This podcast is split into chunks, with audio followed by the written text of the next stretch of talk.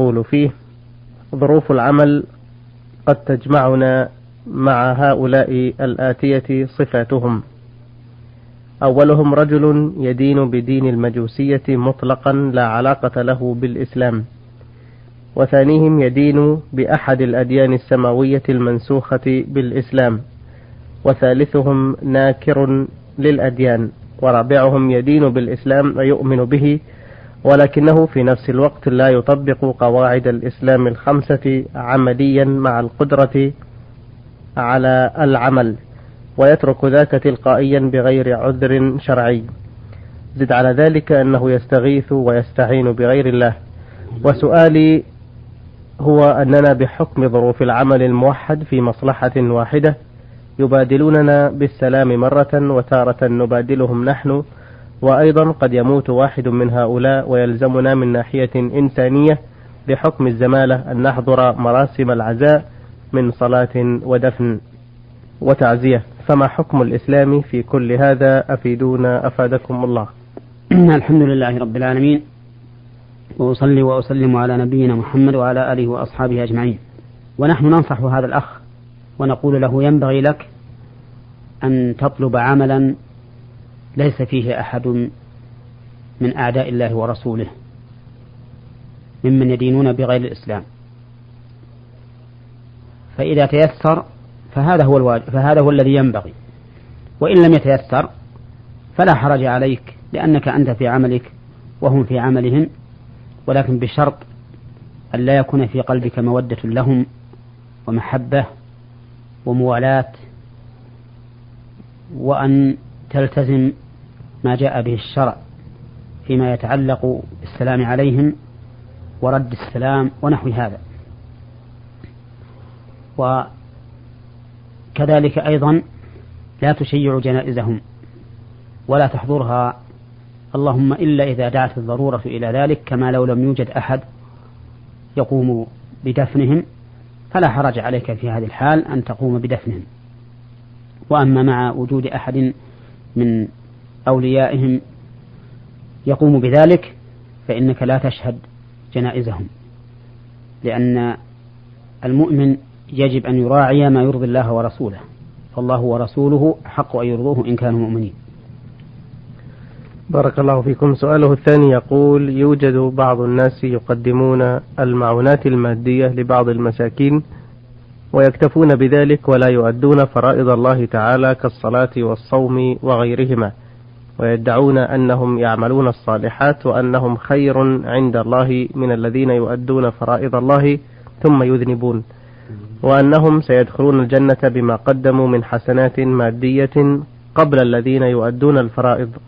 وربما حرمت على الذين يؤدون الفرائض ويذنبون وهم لا يحرمون منها لأنهم أيضا بيض القلوب غير مذنبين. فما الحكم في مثل هؤلاء أينما كانوا؟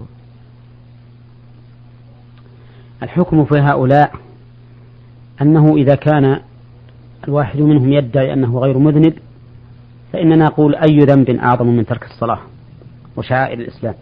نعم. وما أنفقوه على الناس من سد الحاجات وإعانة المحتاج وإصلاح الطرق وغيرها كل هذا لا ينفعهم. كل هذا هباء منثور. كما قال الله تعالى وقدمنا إلى ما عملوا من عمل فجعلناه هباء منثورا. وقال تعالى وما منعهم أن تقبل منهم نفقاتهم إلا أنهم كفروا بالله وبرسوله ولا يأتون الصلاة إلا وهم كسالى ولا ينفقون إلا وهم كارهون. فهؤلاء كل أعمالهم ولو كانت متعدية متعديا نفعها إلى الغير كلها لا تنفعهم عند الله ولا تقربهم إليه. وهم إن ماتوا على ترك الصلاة ماتوا, ماتوا كفارا مخلدين في النار والعياذ بالله. نعم. فعليهم أن يتوبوا إلى الله سبحانه وتعالى وأن يقوموا بما أوجب الله عليهم. ودعواهم أن من قام بشرع الإسلام ولم ينفق إنفاقهم فإنه يحرم دخول الجنة وتكون الجنة لهم. هذه دعوة كاذبة. بل إن من قام بشرائع الإسلام وحصل منه البخل في بعض ما يجب الله ما أوجب الله عليه بذله فإنه كغيره من أهل من أهل الذنوب والمعاصي تحت المشيئة إن شاء الله تعالى عذبه وإن شاء غفر له. إذا كان هذا فهذه التي قالها أولئك القوم دعوى باطلة كاذبة. نعم. آه، سؤاله الثالث والأخير يقول هل يخرج المعتكف من معتكفه إذا مات أحد والديه أو هما معا؟ وهل يخرج إذا خرج ولده الصغير ولم يعد للمنزل منذ مطلع الشمس حتى غروبها؟ أو اشتعلت النار في ممتلكاته أو منزله؟ أو اشتعلت النار في ممتلكاته أو منزله؟ أفيدونا جزاكم الله خيرا. خروج المعتكف من معتكفه ينقسم إلى ثلاثة أقسام. نعم. القسم الأول أن يكون خروجا لما ينافي الاعتكاف كما لو خرج ليجامع أهله أو خرج ليبيع ويشتري وما أشبه ذلك مما هو مضاد للاعتكاف ومناف له فهذا الخروج لا يجوز وهو مبطل للاعتكاف سواء شرطه أم لم يشترطه. ومعنى قولنا لا يجوز أنه إذا وقع في الاعتكاف أبطله وعلى هذا فإذا كان الاعتكاف تطوعا وليس بواجب بنذر فإنه إذا خرج لا يأثم لأن قطع النفل ليس فيه إثم. ولكنه يبطل اعتكافه فلا يبني على ما سبق. القسم الثاني من خروج المعتكف أن يخرج لأمر لا بد له منه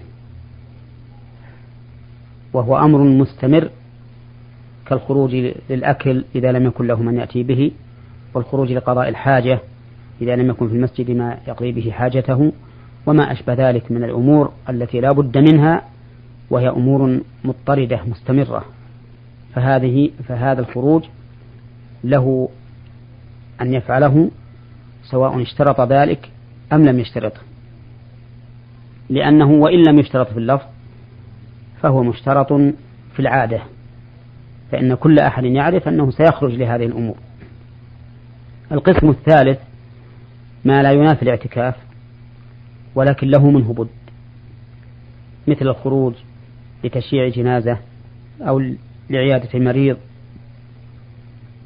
أو زيارة قريب أو ما أشبه ذلك مما هو طاعة ولكنه له منه بد.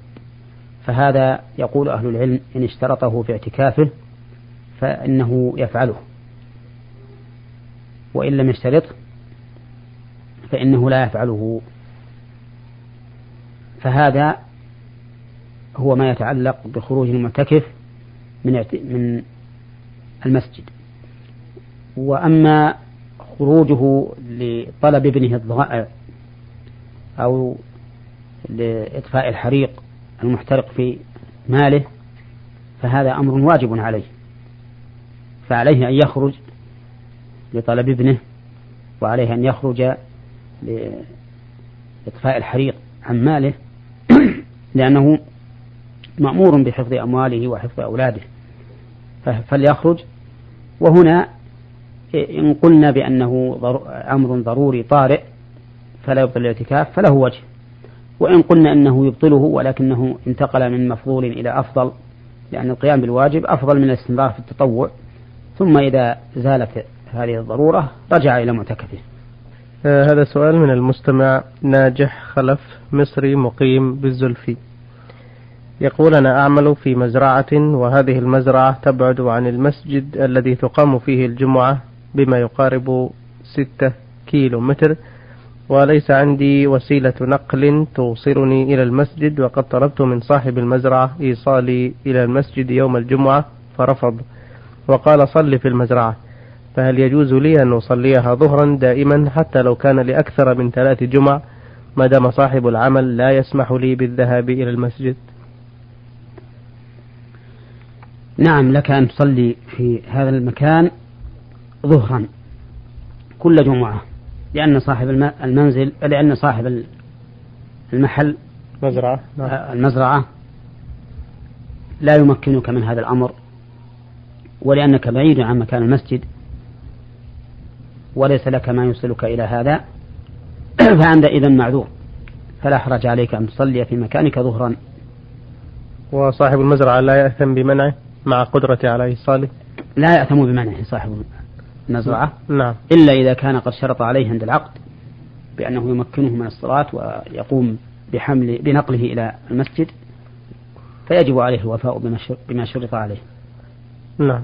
جزاكم الله خيرا. هذه ثلاثة أسئلة بعث بها السائل مبروك العوفي من خليص. سؤاله الأول يقول لدي قطعة أرض ولها صك شرعي قديم ومكتوب في الصك وقف لله تعالى ومكتوب عليه وقف لله ملعون بائعها وملعون شاريها. مع العلم بأني أستغل هذه الأرض للزراعة وآكل من دخلها فهل هو حلال أم حرام؟ أم ماذا؟ وهل يصح الوقف بهذا الأسلوب؟